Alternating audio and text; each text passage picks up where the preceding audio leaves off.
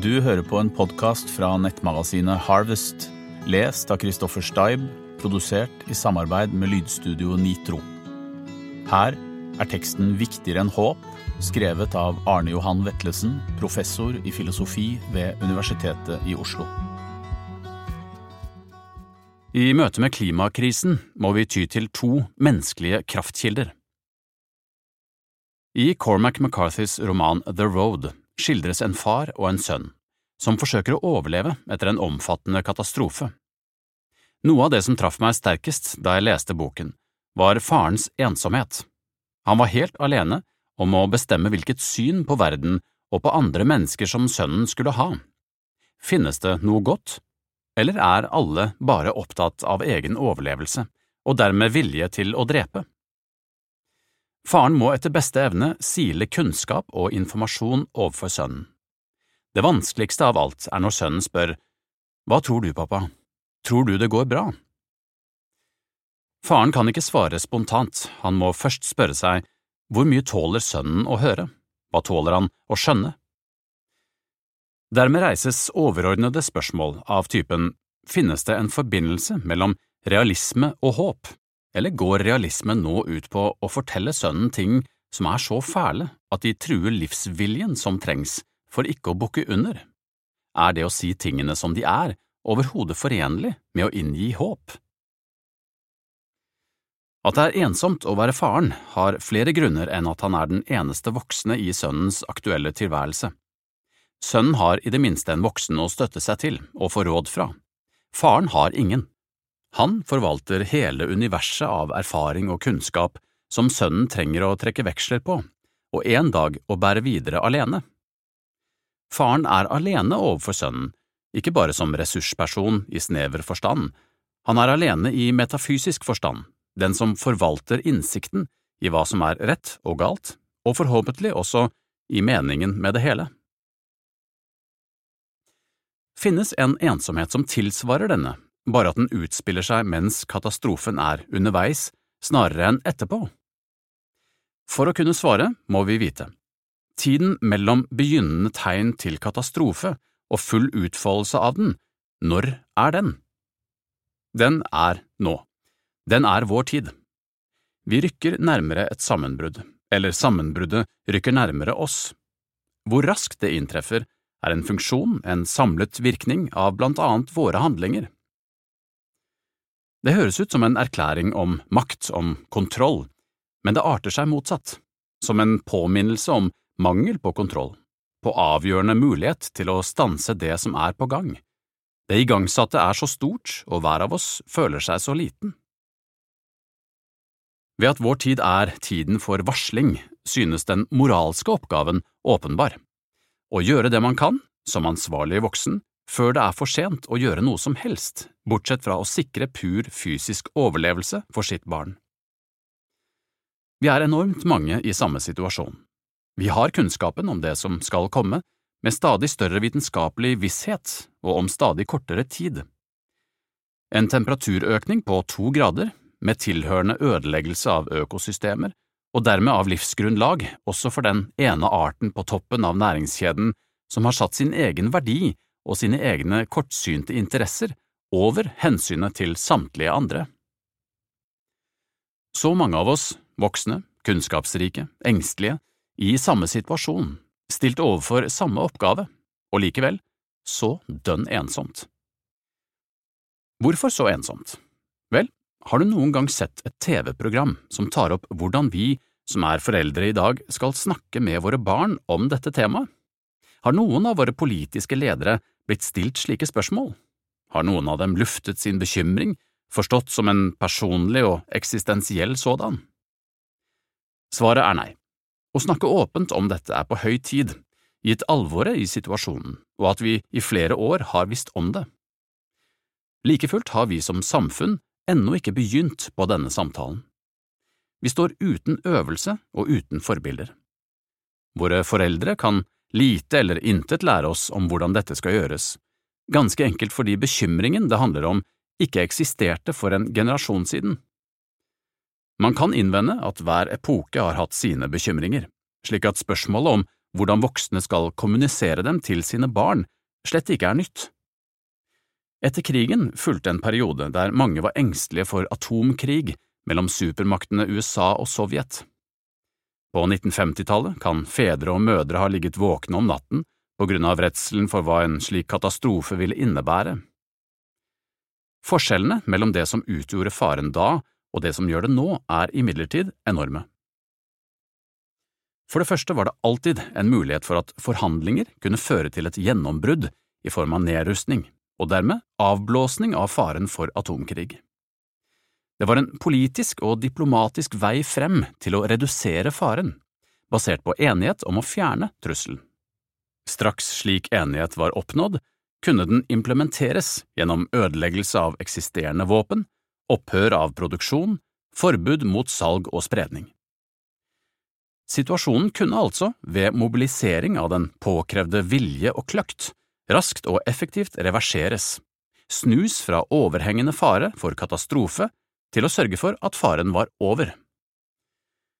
Klimaendringer og artsutryddelse konfronterer oss med en fare av en grunnleggende annen karakter. Politiske vedtak og påfølgende atferdsendringer vil kunne gjøre en forskjell, det er riktig nok, men siden det har gått så mange år uten at vi, på politisk og rettslig nivå, har vedtatt og iverksatt tiltakene som trengs, har vi mistet verdifull tid. Vi har ventet, vært passive, skjøvet problemet, eller byrdene ved å gjøre noe med årsakene, foran oss så lenge at vi dermed har forverret problemet i en grad som gjør det ukontrollerbart. Som politisk kollektiv og som enkeltindivider har vi ikke villet gjøre atferdsendringer mens problemet var relativt lite. Ved å la problemet vokse har vi satt oss i en situasjon der vi straffes for våre unnlatelser, vår bagatellisering, vår benektelse. Artene som er utryddet, isbreene som er smeltet, regnskogen som er hugget, er tapt for all fremtid. Den kloden vi gir videre til de neste generasjonene, er ikke bare langt farligere enn den vi selv overtok da vi var unge, den er også langt fattigere. Siden vi deler et skjebnefellesskap overfor den beskrevne faren, er det merkelig at det oppleves så ensomt å engste seg for fremtiden. I klimaspørsmålet er det som om jo større problemet blir og faren vokser ettersom vi ikke handler, desto mer vokser mange menneskers behov for benekting. På engelsk finnes uttrykket to rise to the occasion. Som kollektiv bedriver vi det stikk motsatte. Du hører på en podkast fra Harvest, et nettmagasin om natur, mennesker og miljø. Gå inn på www.harvestmagasin.no hvis du ønsker å bli abonnent. Jeg har ingen personlige minner fra tiden da atomkrigfaren var på topp i forbindelse med Cuba-krisen tidlig på 1960-tallet men jeg vil anta at folk fant det lett å dele sin bekymring med hverandre. Når vi i så liten grad gjør dette stilt overfor faren for kollaps i verdens økosystemer, skyldes det trolig svært ulike årsaker. For det første er vi, som vanlige mennesker som lever nå, viklet inn i den økologiske krisen på en måte som de som levde under den forrige krisen, ikke var. Det er jo summen av våre daglige handlinger som privatpersoner og som forbrukere som skaper humankapitalens overbelastning av naturkapitalen i vår tid. Hva og hvor mye vi handler i butikken, vår mobilitet, vår forurensning, alt det som er den enkelte voksnes bidrag til sitt lands økologiske fotavtrykk, hvis ringvirkninger spres over hele verden. Årsaken som hver dag bidrar til problemet, som forsterker og intensiverer det over hele kloden, er ikke en avgrenset gruppe personer i et bestemt land, det er oss. I kraft av vårt enorme materielle forbruk, våre handle- og reisevaner, er vi som er voksne i dagens Norge internasjonalt å regne som miljøverstinger. Et eksempel ikke til forbilde og overtagelse av andre, men til skrekk og advarsel. Jo flere som adopterer vår livsstil, desto verre for miljøet. Handlingene som forsterker den skjeve utviklingen, er nettopp ikke spektakulære, enn si klassifisert som kriminelle eller stemplet som umoralske. Å kjøpe den nye bilmodellen og unne seg flere ferier langt unna, å skjemme bort ungene med det nyeste i Disney-produkter laget i Kina, den selvfølgelighet med hvilken vi gjør dette, og ikke hever et øyebryn over venner og naboer som gjør det, står i enorm kontrast til det spektakulære ved miljøkonsekvensene. Vår materielle velstand er lik naturens forringelse og artenes massedød. Årsaken rutinemessig, virkningene uopprettelige. Det vanepregede bidraget fra hver og en av oss fortoner seg så trivielt at de færreste stanser opp og reflekterer over det. Det handler jo ikke om avvik, om å gjøre noe som tiltrekker seg oppmerksomhet, men om å oppføre seg likt med alle andre, en livsstil som deles av nær sagt hele ens nærmiljø og omgangskrets, og som godkjennes av myndigheter og er i tråd med lovverket, utløser ingen ubehagelige moralske spørsmål.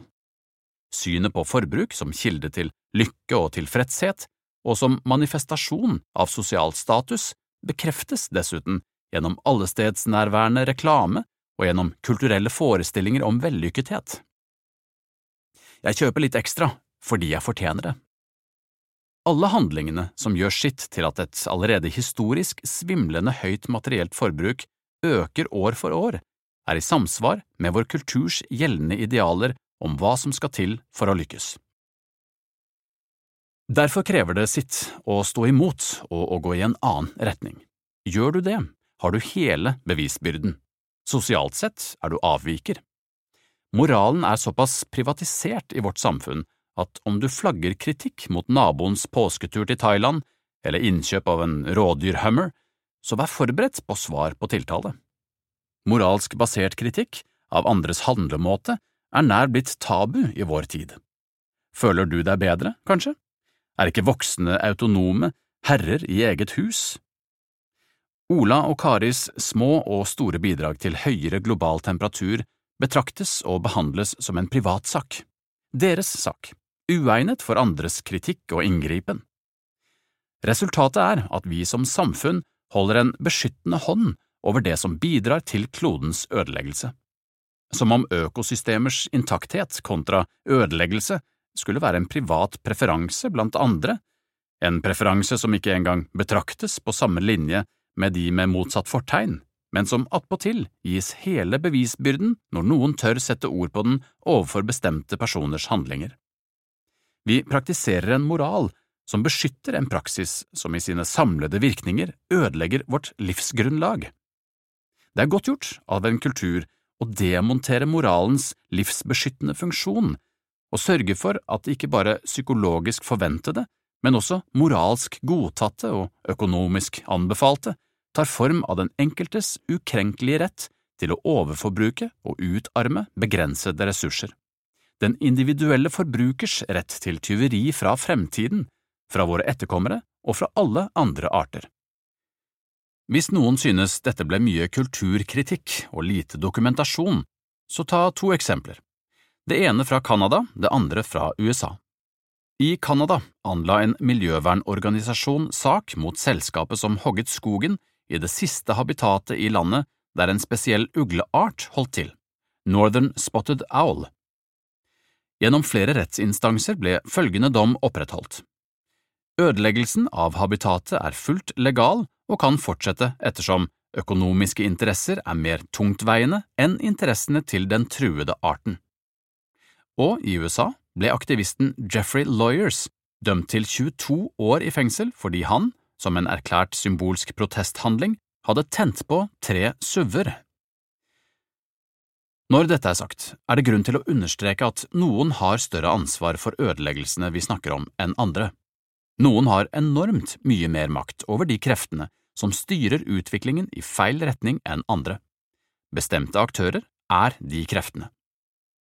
Som borger kan jeg forsøke å gjøre mitt for å la oljen ligge i Barentshavet, for å forby reklame for spesielt miljøskadelige produkter og tjenester. Jeg kan skrive, oppfordre, endre mine handlevaner, men jeg kan ikke ta beslutninger av en type som avgjør hva som skal skje. Topplederne innen politikk og næringsliv har et mye større ansvar for å endre slike gale praksiser, ettersom de har mye større makt. Det er derfor bare til et visst punkt at det er riktig å rette fokus mot egne preferanser egne valg, eget forbruk. makten til å endre skadelige praksiser, eller til å motsette seg forsøk på endring, er enormt ulikt fordelt, selv i et demokrati som Norge. Å ta et personlig eierskap til de globale miljøproblemene, det være seg på moralsk grunnlag og i rollen som forelder for de som skal arve konsekvensene det handler om, innebærer en misforstått tro på eget ansvar og egen makt som i realiteten skygger for et fokus på dem hvis maktbaserte beslutninger er enormt mye viktigere. At vi i en billedlig forstand alle er i samme båt, betyr altså ikke at alle har like stor anledning til å gjøre noe som vil monne i det store bildet. Den ubehagelige sannheten Al Gore snakket om, er både mer direkte politisk og mer brutal enn han la opp til, nemlig at de som har mest politisk og økonomisk makt, er oppsatt på å gjøre alt som denne makten tillater dem for å tviholde på en kurs som innebærer økosystemenes ødeleggelse tross politisk motstand og tross advarsler fra klimaforskere. Å bekjempe gjeldende kurs vil si å bli møtt med alle de maktmidler den politiske og økonomiske eliten rår over, det være seg i Norge, i USA eller i Kina. Gore tok feil da han sa problemet vi står overfor er ikke et politisk, men et moralsk problem. Nei, problemet er selve det økonomiske systemet, som hver og en av oss er en del av og må agere innenfor. Et system med vekst som mål og med produksjon som middel, der produksjonen i stor grad er ensbetydende med uopprettelig skadeverk på naturgrunnlaget, crimes against nature, som går fri fra straff fordi ingen arter, unntatt mennesket, tilskrives moralsk verdi. Barnets spørsmål melder seg igjen. Vil det gå bra, pappa? Kommer vi til å klare det? Hvordan tror du verden er når jeg er så gammel som du er nå. Du hører på en podkast fra Harvest, et nettmagasin om natur, mennesker og miljø. Gå inn på www.harvestmagasin.no hvis du ønsker å bli abonnent. Ikke bare har moral, forstått som det samfunnsmessig forventede og godtatte, skilt lag fra økologi, fra selve livsbetingelsene, fra det som kreves for å sikre også vår egen art en fremtid. Som individer har vi også skilt lag fra kollektivet, eller mer presist, det individuelt praktiserte har kommet på kollisjonskurs med det kollektivt bærekraftige. Kulturen gir oss absolutt ansvar for oss selv og for egne valg ved å erklære vår autonomi, vår rett til selvbestemmelse, som ukrenkelig, alt sammen på individnivået. For kollektivet vi inngår i, og som våre små og store handlinger virker inn på, gis vi derimot intet ansvar, ikke utover det metaforiske eller, om man vil, festtalepregede. Jorden og alle de arter, alle de livsformer den består av, er, med suverent unntak for én art, oss selv, uten slike rettigheter, uten slik ukrenkelighet, slik iboende verdi. Det er den grunnleggende feilen splittelsen vi som kultur har skapt og deretter agert på, mellom oss selv og alt annet liv, mellom kultur og natur, menneske og natur. Jo større splittelse og opplevelsesmessig avstand, desto større fremmedgjøring, og jo større fremmedgjøring, desto mindre evne hos oss til å stanse rovdriften på en stadig mer såret natur. Slik er destruksjonen blitt en ond og selvforsterkende sirkel. Jo mer vi har ødelagt, desto mer ødelagt blir vår sensitivitet med tanke på å redde det ennå ikke ødelagte. Det handler om vår kulturelt betingede nummenhet, vårt hovmod overfor alt ikke-menneskelig. Vi handler som om vi er hevet over og uavhengige av alt annet enn oss selv. Vi er i stedet helt avhengige av det. Sannheten må forties, og fortielsen har mange kostnader. Vi herder oss i stedet for å føle og sanse, benekter i stedet for å ville forstå, lar oss distrahere på tusen måter i stedet for å dvele ved det vesentlige. Svaret til barnet som spør, må starte med dette, og peke på det mest elementære av alt, livets avhengighet av betingelsene for fortsatt liv. Og barnet vil forstå, det er ikke barnet eller barnets forståelses- og følelsesevne som er problemet, det er oss voksne. Det vi trenger å gi våre barn, er ikke først og fremst håp. Håp er vakkert, idealistisk, moralsk uklanderlig. Men det er neppe den beste analysen å hevde at å spre håp, i form av positivt svar på spørsmålet om det vil gå bra, er det viktigste vi voksne i dag kan gjøre. Å holde på håpet kan tvert imot vise seg å utsette nødvendig handling. Håp kan bety å sette sin lit til vilje til endring hos de mektige, som viser seg sørgelig ubegrunnet. Håp kan bety å bli sittende stille i båten etter at man burde ha forlatt den, eventuelt forsøkt å fjerne dem som styrer dens retning og bestemmer dens hastighet. Håp kan inngi en tro på egen makt og evne til å skape endring som ikke samsvarer med realitetene, og som lar de som vitterlig besitter makten, beholde den uten kamp. Håp kan vise seg som avsporing og avmakt, som tålmodighet overfor det man absolutt ikke burde tåle, det som legges øde mens man håper på dets redning. Hvis ikke håp, hva da? Jo, To kraftkilder som henger nær sammen med hverandre – kjærlighet og raseri. Kjærlighet til alt levende på jorden som vi mennesker deler med uendelig mange andre arter og former for liv. Dernest raseriet som vokser i oss, enten vi er barn eller voksne, når vi opplever at så mye av dette livet ødelegges med viten og vilje. Et raseri næret av kjærligheten til det som trenger beskyttelse, et raseri på vegne av de stemme- og vergeløse mot de mektigste, et raseri drevet av kjærlighet til livet og alt levende. Du har hørt eh, filosofiprofessor Arne Johan Vetlesens tekst Viktigere enn håp, lest av Kristoffer Steib og produsert i samarbeid med lydstudioet Nitro. Harvest er et nettmagasin om natur, mennesker og miljø Gå inn på www.harvestmagazine.no hvis du ønsker å bli abonnent.